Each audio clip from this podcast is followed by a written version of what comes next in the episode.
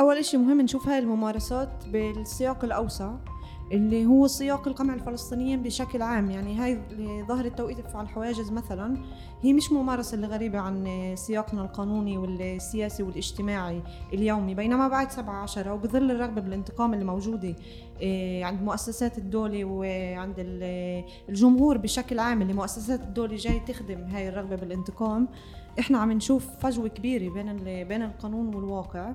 الشرطة عم تستغل الجو العام لتوسيع صلاحياتها بدون ما القانون يجي يعطيها هاي الصلاحيات أو بدون يعني عمليا جواب الجواب الفعلي على سؤالك. هو إنه آه، حالة الطوارئ ما وسعتش ما وسعتش صلاحيات الشرطة.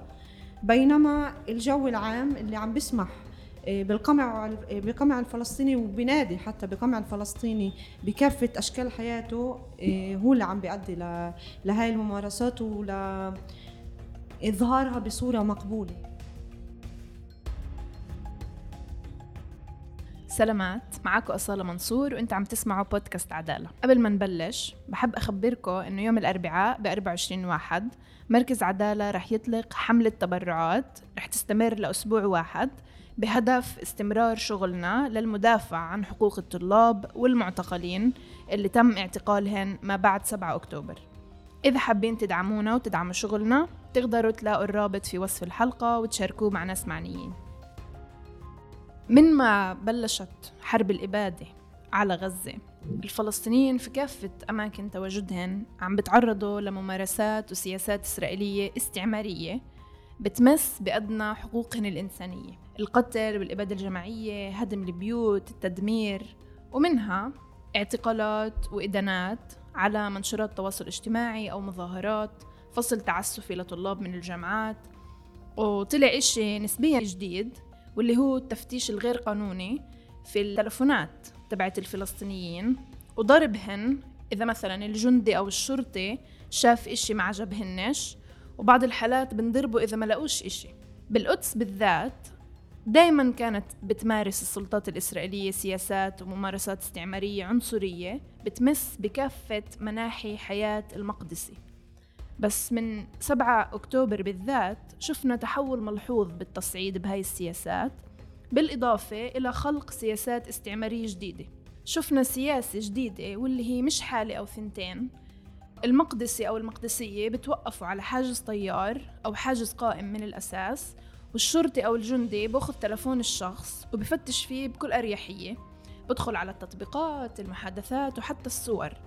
فتخيل أنت لوين في انتهاك للحق في الخصوصية بشكل غير مسبوق. وفي حالات اللي بيشوف الجندي إشي بيعجبوش زي مقولات أو صور ممكن إنه الشخص يتعرض للضرب أو الاعتقال. وفي حالات الجندي ما بش ما بيلاقي إشي معين على التلفون زي تطبيق تليجرام فبيضرب هذا الشخص بس لأنه ما عندوش هذا التطبيق. بهاي الحلقة معاي المحامية هديل أبو صالح محامية في وحدة الحقوق السياسية والمدنية في مركز عدالة للتوسع والحديث عن قانونية هاي الممارسات إيش القوانين اللي بتنظمها وإيش عم نستنى لقدام إيش ممكن ينعمل وإيش ممكن يصير. إذا حابين تعرفوا أكثر عن شغل عدالة تقدروا تزوروا موقعنا الإلكتروني المرفق في وصف الحلقة. وزي كل مرة تنسوش تتابعوا بودكاست عدالة على تطبيقات البودكاست أو عبر موقع عرب 48 لحلقات جديدة. مرحبا هديل يعطيك العافية. مرحبا صالة يعطيك العافية. يعني هديل إحنا هون عمالين نحكي عن سياسة استعمارية بحتة واللي هي إسرائيل وظفتها كشكل من أشكال السيطرة اللي بتفرضها على الفلسطيني. إيش القوانين اللي بتنظم التفتيش بالتلفونات بالقانون الإسرائيلي؟ زي ما ذكرتي أصالة يعني من بداية الحرب إحنا عم نشهد تصعيد وملاحقات أكثر أكثر حدية وممنهجة ضد الفلسطينيين بكافة أماكن تواجدهم والمقدسيين بشكل خاص. بفكر إنه مهم نبلش نتطرق لهاي لهذا الموضوع من من أصلا إيه، قانونية التوقيف نفسه على الحاجز. القانون الإسرائيلي تحديدا ببند 66 لقانون الاعتقالات بيحكي أو بفصل الحالات اللي بنفع فيها الشرطي يعرقل طريق الشخص واللي هي عمليا الشرطة بممارساتها مش عم تمشي حسب القانون بشرقي القدس. عم بيتم إيه، عرقلة حركة الناس إيه، بدون أي دافع أو أساس قانوني. على عكس القانون الناس اللي عم بتوقفوا مش عن جد مشتبهين بأي جرم. وتوقيفهم مش عم بيكون يعني لبحث أي جرم. بينما عم بتوقفوا إيه، بظل سياسة إيه، سياسة عقاب جماعة عم بتمارسها إسرائيل ضد المقدسيين. المحكمة العليا الإسرائيلية تطرقت بعدة قرارات لهي لعدم قانونية هي الظاهرة. ومن الشهادات اللي وصلتنا يعني الناس عم تتوقف حتى ل... ل... لأوقات كثير أطول يعني من القانون بيسمح لها حتى لما البني آدم مشتبه بعمل جرم. ومن غاد من هذا التوقيف عمليا الشرطي برضه عم بيستخلص أخرى صلاحيات اللي هي مش موجودة عنده واللي هي مثلا التفتيش بالتلفون. لما قانون قانون الاعتقالات بفصل بند 23 ألف عمليا بلزم الشرطة أنها تتوجه للمحكمة وتطلب أمر تفتيش. واللي هو مش عم بيصير بهاي الحالات. الشرطي عم بقرر يعني وهو باللحظة اللي عم بيمسك تلفون شو بده يفتش وشو بده يشوف. إيه، والقانون لما حدد إنه تفتيش بالتلفون بيلزم أمر هذا الإشي ما جاش من فراغ. لأنه عمليا كل واحد فينا إيه تلفونه هو عالم وهو موجود غاد عنده كل التفاصيل الشخصية كل صوره كل ما يتعلق بحياته. والشرطي بهاي اللحظة هو مكشوف لكل هاي التفاصيل بدون أي غربلة اللي القاضي بشكل عام بيعملها بالمحكمة. هو باخذ بعين الاعتبار خصوصية الشخص باخذ بعين الاعتبار الجرم اللي بدهن يحققوا فيه آه، باخذ بعين الاعتبار الأشياء اللي الأخرى اللي موجودة على التلفون اللي الشرطي مش مفروض ينكشف لها. وعمليا بهذا التفتيش الشرطي بقرر بناء على اعتباراته الشخصية وعلى آه، المرجعيات تاعونه الشخصية مش اللي القانون بيحددها. شو هو بد شو الأشياء اللي عمليا عم بتثير آه، شكه؟ بالشخص اللي عقباله وشو الأشياء اللي مش عاجبته بالتلفون وبالتالي بتؤدي لعرقلة آه، طريق الشخص لوقت أطول؟ يعني عمليا القانون ما بسمح بهيك إشي بالمرة يعني أنت مجبور يكون عندك آه، أمر من المحكمة عشان أنت تفتش تلفون حدا وبرضه هذا الأمر بيكون فيه تقييدات وتحديدات تحديدات لإيش أنت ممكن تشوف بهذا التلفون. يعني مش على خاطرك. طب إذا القانون مش ما سمحش للشرطي أو الجندي هل تم إصدار قرار معين بظل حالة الطوارئ من جهة مختصة بأنه بنفع لهذا الجندي أو الشرطي أنه يفتش هاتف الشخص بدون إذن وبشكل غير قانوني؟ أول إشي مهم نشوف هاي الممارسات بالسياق الأوسع اللي هو سياق القمع. القمع الفلسطينيين بشكل عام يعني هاي ظاهرة توقيف على الحواجز مثلا هي مش ممارسة اللي غريبة عن سياقنا القانوني والسياسي والاجتماعي اليومي بينما بعد 17 وبظل الرغبة بالانتقام اللي موجودة إيه، عند مؤسسات الدولة وعند الجمهور بشكل عام اللي مؤسسات الدولة جاي تخدم هاي الرغبة بالانتقام إحنا عم نشوف عم نشوف فجوة كبيرة بين بين القانون والواقع إيه، الشرطة عم تستغل الجو العام إيه، لتوسيع صلاحياتها بدون ما القانون يجي يعطيها هاي الصلاحيات أو بدون يعني عمليا جواب الجواب الفعلي على سؤالك هو إنه حالة الطوارئ ما وسعتش ما وسعتش صلاحيات الشرطة.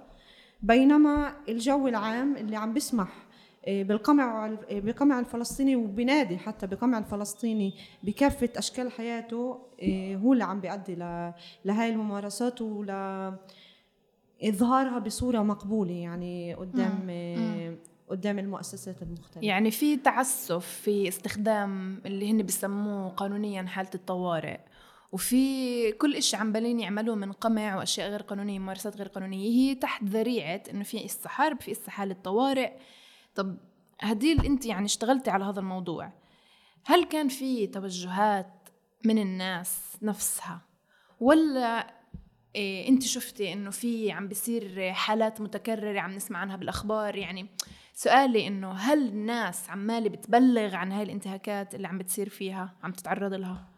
أنا أنا اولا انكشفت لهي الممارسة كفرد قبل ما أنكشف لها كمحامية يعني انكشفت لها من عدة أصدقاء اللي بتنقلوا بالقدس الشرقية وإنه ساكنين بشرقي القدس وتعرضوا لهي لهي لهذا التفتيش. وأعتقد إنه يعني كلنا عم نشوف برضه الشهادات اللي عم تتناقل بوسائل التواصل الاجتماعي. بس بحالة برضه القمع المفرط والأكثر حد اللي عم نواجهه إسا كفلسطينيين آه، في في برضه خوف آه، من التوجه وعرض هاي الشهادات من الملاحقة بعدين. آه، يعني زي ما ذكرتي بالمقدمة حتى الحالة اللي فيها الشخص تلفونه ما فيش فيه أي أي أي شيء اللي ممكن يعني يثير شك الشرطي أو ما يعجبوش. ما يعجبوش. عم يعني عم بتمارس قمع إضافي ضد هذول الأشخاص بدون أي مبرر بدون أي دافع بس بكون بسبب كونهم فلسطينيين. إيه وعلى هذا الأساس هن بتوقفوا. يعني عمليا الشرطة عم تستعمل racial profiling أو تقطير عرقي عشان تيجي توقف هذول الأشخاص بناء على مظهرهم الخارجي وإنه هن فلسطينيين. ومش عم نشوف هاي الممارسات آه، بمجموعات أخرى اللي موجودة بالدول يعني.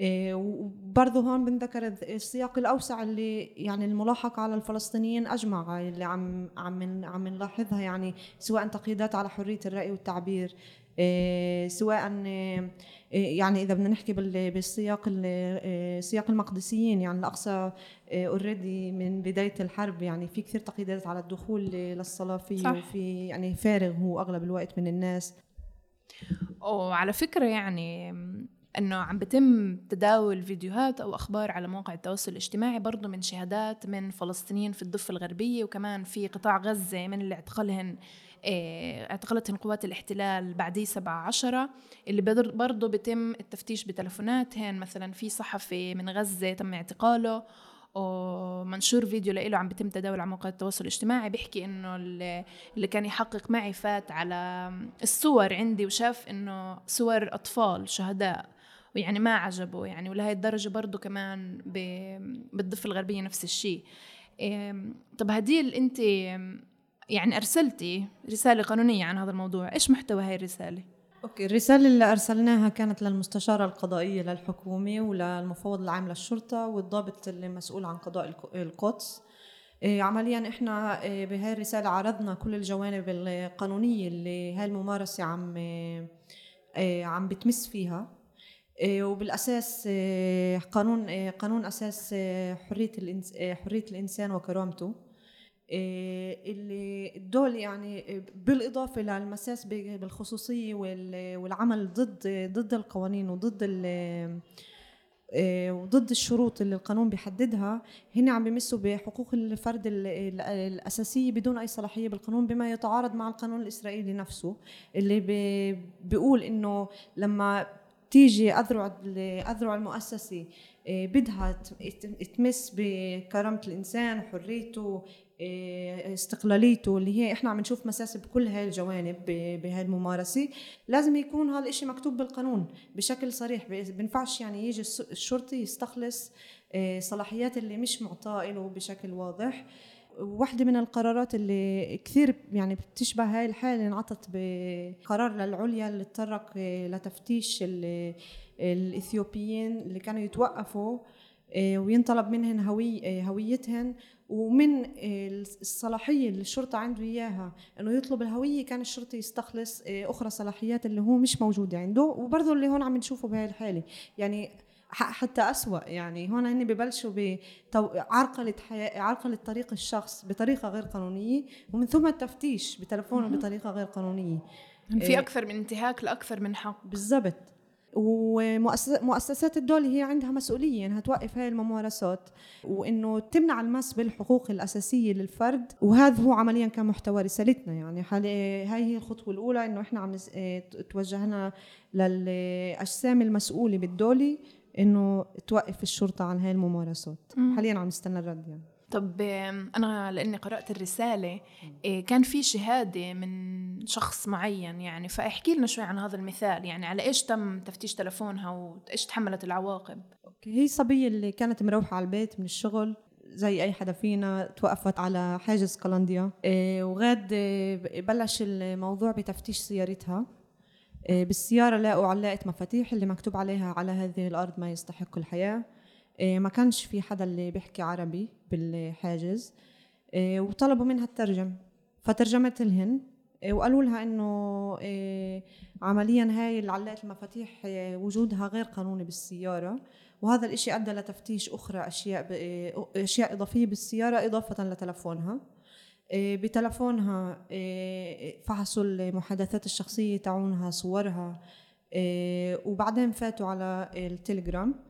الصبية بتحكيش مع ناس على التليجرام وهذا الإشي أثار استغرابهن يعني صاروا يسألوها إنه وين راحوا كل المحادثات تاعتك مع الأشخاص على التليجرام هي بتستعمل تليجرام لمتابعه الأخبار. وغاد لقوا صفحه اللي هي صفحة أخبار فلسطينية إيه وقالوا لها إنه متابعة هاي الصفحة أيضا غير قانوني زي علاقة المفاتيح. إيه وعرقلوا طريقها لمدة ساعة ونص. وبعديها يعني أعطوها تستمر بطريقها بدون أي ملاحقات أخرى أو إنه يكون في عقبات للأشياء الغير قانونية اللي لقوها بالسيارة.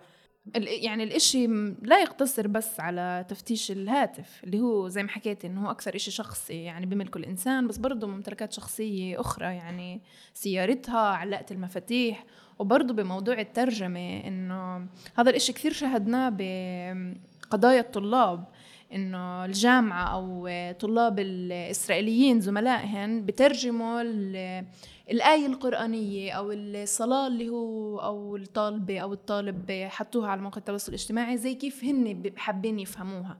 يعني أنتم بتحكوش عربي أنتم مش عايشين في هذا السياق يعني مش عايشين في هذا المجتمع. فكيف يعني أنتم بدكم تترجموا على هذه الأرض ما يستحق الحياة؟ كيف أنتم بدكم إياها؟ يعني البنت الصبية هي ترجمتها وهي الفلسطينية هي اللي عايشة في في هذا السياق هي اللي من القدس فهي اللي لازم إنه آه والله تأخذ بحكيها لما هي ترجمت الكو زي كيف هي ترجمتها. وعشان هيك يعني القانون موجود عشان يمنع إنه تسيطر هاي الآراء المسبقة على كل اللي على كل اللي اللقاء بين الشرطي والمواطن أو الفرد. يعني لما إحنا بنعطي الشرطه هالقد صلاحيات وهو بحس إنه في بإيده هالقد صلاحيات فالمساس بالحقوق رح يكون يكون عميق وحاد إيه إيه وبدون أي رادع يعني. صح. وعلى سيرة إنه الشرطة صارت تستخلص صلاحيات لإلها اللي هي أصلا مش موجودة ولا محمية ولا مقننة بأي محل ولا بأي قانون. شفنا هذا الإشي في التماس عدالة على لما مفوض الشرطة أطلع إنه أو أصدر قرار بإنه المظاهرات والله ممنوعة ومش رح نعطي ولا ترخيص ولا لأي مظاهرة. المحكمة العليا قالت إنه مفوض الشرطة ما عنده الصلاحية بإنه هو يجي يحكي هيك بس الشرطة عملت هيك بغض النظر برضه زي كيف حكينا هي تحت ذريعة حالة الطوارئ. إيه عمليا أنا بشوف إنه هنا دور دور المؤسسة والسلطات إنه تيجي توقف إيه توقف الشرطة عن هاي الممارسات.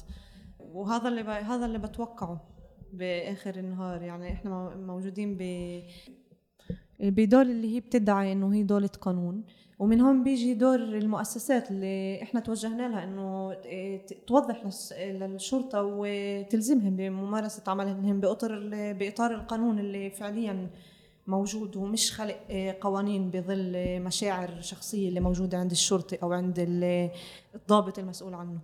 شكرا كثير هديل يعطيك العافية. يعطيك العافية. هاي كانت كمان حلقة من بودكاست عدالة. تنسوش تتابعونا على تطبيقات البودكاست.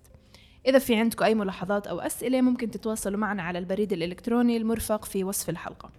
وبحب أذكركم كمان مرة إنه يوم الأربعاء 24 واحد مركز عدالة رح يطلق حملة تبرعات تستمر أسبوع بهدف استمرار شغلنا للمدافع عن حقوق الطلاب المعتقلين اللي تم اعتقالهم بعدي 7 عشرة إذا حابين تدعمونا بتقدروا تلاقوا الرابط في وصف الحلقة وتشاركوه مع ناس معنيين.